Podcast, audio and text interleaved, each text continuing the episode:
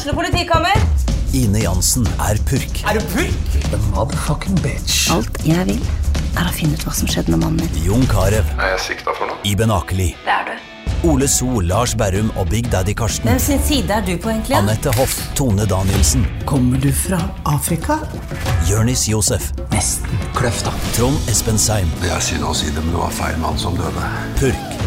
Premiere tirsdag på TV2 Play. Hei, takk for at du lytter til Søvnløs. Skulle du ønske at du kunne høre en ny episode av denne podkasten hver eneste uke? Vel, da er det bare å laste ned podkastappen Untold med en gang. I tillegg til ukentlige episoder av podkaster som Skrekkpodden, Truecrimepodden og Henrettelsespodden får du masse annet reklamefritt og eksklusivt innhold. Last ned Untold i AppStore eller Google Play, og start din 30 dagers prøveperiode i dag.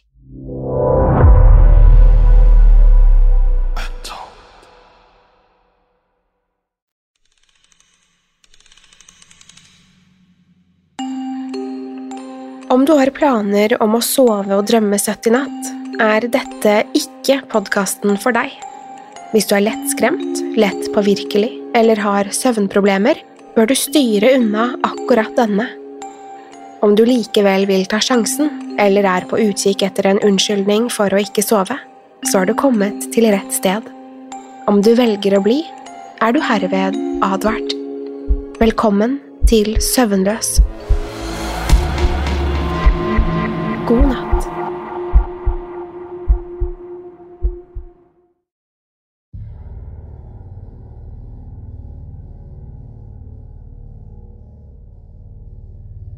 Jeg heter Michelle, og jeg skal fortelle dere om en opplevelse jeg hadde for en tid tilbake. Jeg er usikker på om det var noe overnaturlig, eller hva det var. Jeg vet helt ærlig ikke hva dere spøkelsestroende kaller det.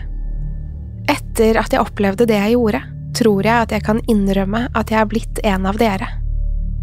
Jeg tror på det overnaturlige nå. Det hele startet da jeg ble kastet ut av leiligheten min og måtte flytte inn sammen med broren min Edvin. Huseieren min hadde funnet noe i leiligheten min som kanskje ikke var helt innafor. Jeg skal ikke gå inn på det nå, men jeg må si at jeg hadde en god sak mot han også.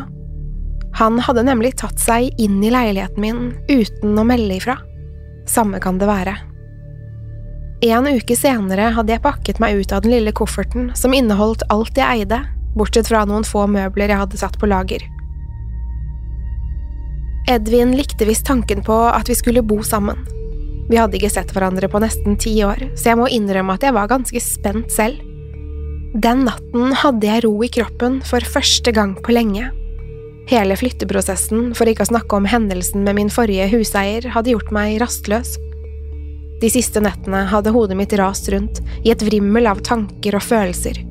Nå var det som at alt hadde sluppet taket, og jeg kunne endelig sove. Denne plutselige roen hadde også gjort at jeg oppfattet omgivelsene mine på en annen måte, mer årvåkent. Jeg lå i det mørke rommet og lyttet til min egen pust. Ellers var det helt stille, bortsett fra en svak rasling i løvet utenfor vinduet. Der og da var jeg sikker på at det var et dyr som lusket rundt huset. Edvin bor like i utkanten av et skogholt, så det er ikke uvanlig med pinnsvin og andre nattkjære dyr. Dermed tenkte jeg ikke stort over det, og sovnet til slutt. Neste morgen kom jeg på det jeg hadde hørt, og ved frokostbordet fortalte jeg det til Edvin. Vi lo litt da vi så for oss et lite pinnsvin tasse gjennom løvet, og ble enige om at vi måtte sette ut litt mat og vann til det. Det kunne jo hende den snuste rundt her etter noe å spise. Jeg har hørt at det ikke er så uvanlig at de gjør det. Dagen forløp uten noen spesielle hendelser. Jeg satte meg ved kjøkkenbordet og åpnet laptopen min. Jeg var ganske effektiv den dagen og fikk rablet ned en 10–15 sider til den nye boken min. En natt med meg, hadde jeg kalt den. Det skulle etter hvert bli en krimroman, men jeg var fremdeles tidlig i prosessen. Den kvelden da jeg la meg i sengen og slukket lyset, var jeg like årvåken som kvelden før. Jeg vet ikke om det var fordi jeg prøvde å lytte etter om pinnsvinet kom for å spise maten vi hadde satt ut, eller om det var noe annet. Jeg var på en måte på alerten. Akkurat da fikk jeg høre noe som jeg virkelig ikke hadde ventet meg. Det var ikke rasling i løv, og det kom ikke utenfra. Det var en knirkelyd, som fra en dør eller et vindu som ble åpnet. Så kom det et hardt dunk i gulvteppet, som om noe hadde hoppet ned fra vinduskarmen og landet foran sengen min. Et øyeblikk ble jeg bare liggende urørlig i mørket. Jeg kunne ikke se noe som helst i det beksvarte rommet. Plutselig hørte jeg lette skritt som nærmet seg sengen min. Det var påskudd jeg trengte. Jeg slo dynen til side, kastet meg ut av sengen og skrudde på den lille nattbordslampen. Jeg stirret ut i rommet med vidåpne øyne. Ingenting. Det var ingenting der. Jeg så bort på vinduet ut mot hagen. Gardinene hang urørlig og stengte ute alt lys som kunne trenge inn fra verden utenfor. En stund våget jeg ikke å røre meg. Jeg sto bare og stirret fra hjørne til hjørne av rommet, som når man hopper frem for å skremme noen, og de viser seg jo ikke være der, så man kun ender opp med å skremme seg selv. Da jeg fremdeles ikke kunne oppfatte bevegelse i rommet, dristet jeg meg til å ta et skritt i retning vinduet, og ett til, og enda et, helt til jeg sto noen centimeter fra gardinene. Med ett trakk jeg de tunge fløyelsgardinene til side, og halvveis forventet å se et ansikt på den andre siden av ruten, men alt jeg kunne se, var min egen blasse refleksjon stirre tilbake på meg. Vinduet var lukket, og jeg kunne ikke se noe som helst der ute. Jeg ristet på hodet, trakk for gardinene og gikk tilbake til sengen. Resten av den natten hadde jeg forferdelige mareritt. Jeg drømte at noen kom inn i rommet mens jeg sov og begynte å skjære i meg med sylskarpe negler. Angriperen skar og skar, helt til det ikke var noe igjen av meg. Jeg våknet dyvåt av svette da alarmen min ringte. Selv om jeg hadde sovet gjennom natten, følte jeg meg elendig og svak. Jeg stubbet ut i gangen og mot kjøkkenet, hvor Edvin allerede sto og lente seg på kjøkkenbenken med en kaffekopp i hånden. Idet han kikket opp på meg, var det som om han hadde sett et spøkelse. Han slapp koppen i gulvet, og den gikk i tusen knas. Han så skremt på meg og ville vite hva jeg hadde gjort. Jeg kikket forvirret tilbake og sa at jeg ikke skjønte hva han mente. Da grep han tak i armen min og nærmest slepte meg inn på badet. Han stilte meg opp foran speilet, og det var da jeg så det. Under det venstre øyet mitt var det et stort, dypt kutt. Blodet hadde størknet på kinnet mitt, og jeg så mest ut som jeg hadde vært i krig. Edvin så at jeg var like skremt og overrasket som han, og sa at jeg måtte dra på legevakten.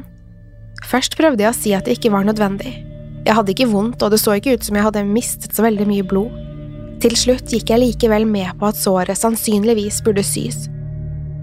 Edvin slapp meg av utenfor legevakten før han kjørte videre på jobb. Der inne fikk jeg igjen spørsmål om hva jeg hadde gjort, men jeg kunne ikke svare. Til slutt ble vi enige om at jeg måtte ha gått i søvne og skadet meg på noe i huset. Legen lappet meg sammen, men sa han ville se til meg før jeg fikk dra.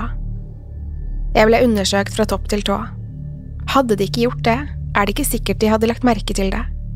Da jeg løftet opp T-skjorten, ble legen kun stående og måpe. Jeg spurte hva det var, og han pekte på siden av magen min. Jeg kikket ned, og blodet mitt frøs til is. Der hadde jeg et digert, gjensydd sår. Det så helt ferskt ut, som om det hadde blitt gjort i løpet av natten. Jeg ble straks sendt inn til en skann av overkroppen, og kort tid senere fikk jeg svar. På en eller annen måte hadde jeg mistet en nyre. Jeg visste ikke hva jeg skulle si, og det gjorde heller ikke legen min.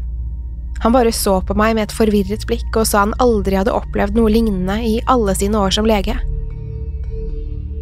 Selv om det ikke kunne se ut som det var noe annet galt med meg, ville han at jeg skulle bli til observasjon over natten. Jeg prøvde ikke engang å nekte. Dette var for vilt. Da jeg var blitt alene, ringte jeg Edvin og fortalte hva som hadde skjedd. Han kom og besøkte meg straks etter jobb. Vi satt og pratet sammen en stund, og forsøkte å finne ut av hva som kunne ha skjedd, men ingen av oss hadde noen løsning. Jeg unnlot å fortelle om lydene jeg hadde hørt natten før. Det virket utrolig at noen kunne ha sneket seg inn mens jeg sov, men jeg hadde mine mistanker. Jeg turte bare ikke å si det til noen. Edvin ble hos meg helt til besøkstiden var over. Den kvelden ble jeg liggende og tenke til lenge etter at lysene var skrudd av. Til slutt sovnet jeg, med en feberaktig følelse i kroppen. Også denne natten hadde jeg mareritt. I drømmen gikk jeg utenfor huset til Edvin. Jeg snek meg bortover plenen og bort til soveromsvinduet. Det var der jeg fikk se den duse refleksjonen i vinduet igjen, men det var ikke meg selv som stirret tilbake på meg. Foran meg sto et vesen med svart hette og en likblek maske uten ansiktstrekk. Den hadde ingen nese eller munn, og verst av alt, den hadde ikke øyne. Kun to tomme, svarte øyehuler. Ut av øyehulene rant det svart, tykt slim. Skapningen foran meg la hodet på skakke før den kastet seg mot meg i refleksjonen. Jeg bråvåknet, og nok en gang var jeg våt av svette. Utenfor vinduet på rommet mitt var det blitt morgen. Akkurat da åpnet døren seg, og legen fra dagen før kom inn. Han så usikker og nervøs ut. Da jeg spurte hva som var i veien, så han på meg med et usikkert blikk før han trakk pusten dypt. Han sa han hadde to nyheter til meg, én god og én dårlig. Jeg ba ham ta den gode først. Han fortalte at de ikke kunne finne noen grunn til at jeg måtte bli på sykehuset en natt til. Dermed kunne jeg få dra hjem etter frokost. Da jeg ba om den dårlige nyheten, forventet jeg at jeg ble nødt til å gå gjennom en slags operasjon i fremtiden. Det legen sa, var så mye verre. Han hadde vært i kontakt med foreldrene mine, og de hadde bedt ham si at Edvin var død. Han hadde blitt drept den natten, men ingen visste hvordan eller hvem som sto bak. Jeg klarte ikke engang å reagere. Sjokket av den nyheten hadde strippet meg for alle følelser. Jeg sa ingenting, og fikk ikke med meg resten av det legen sa. Jeg bare nikket til han til slutt forlot rommet. Så kledde jeg på meg i stillhet, mens jeg stirret blankt fremfor meg.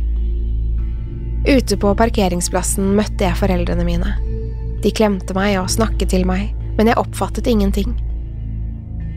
Jeg gikk som i transe resten av den uken. Jeg fikk ikke med meg noe som ble sagt. Alle tankene mine var visket ut, og jeg klarte ikke finne dem igjen. Et par uker senere hadde foreldrene mine fått beskjed fra politiet om at vi fikk lov til å gå inn i Edvins hus. Det hadde vært nedstengt for videre undersøkelser, men de hadde ikke funnet noe som helst. Jeg kjørte derfor dit for å plukke opp tingene mine som fremdeles var i huset. Idet jeg kom inn, var det som å trå inn i et av marerittene mine igjen. Huset lå stille og mørkt, og ingenting beveget seg der inne. Jeg hadde ikke kommet lenger enn dørstokken da jeg stanset og stirret ned på noe på teppet. Jeg nærmet meg forsiktig og bøyde meg ned for å se bedre. Der, tilsmurt med et tykt, svart slim, lå en halv nyre. Bitemerker prydet sidene på den, som om noen hadde tatt store jafs av den.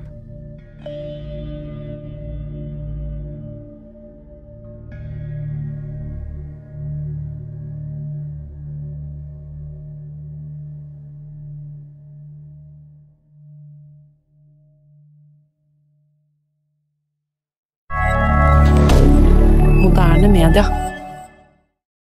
Har du et enkeltpersonforetak eller en liten bedrift?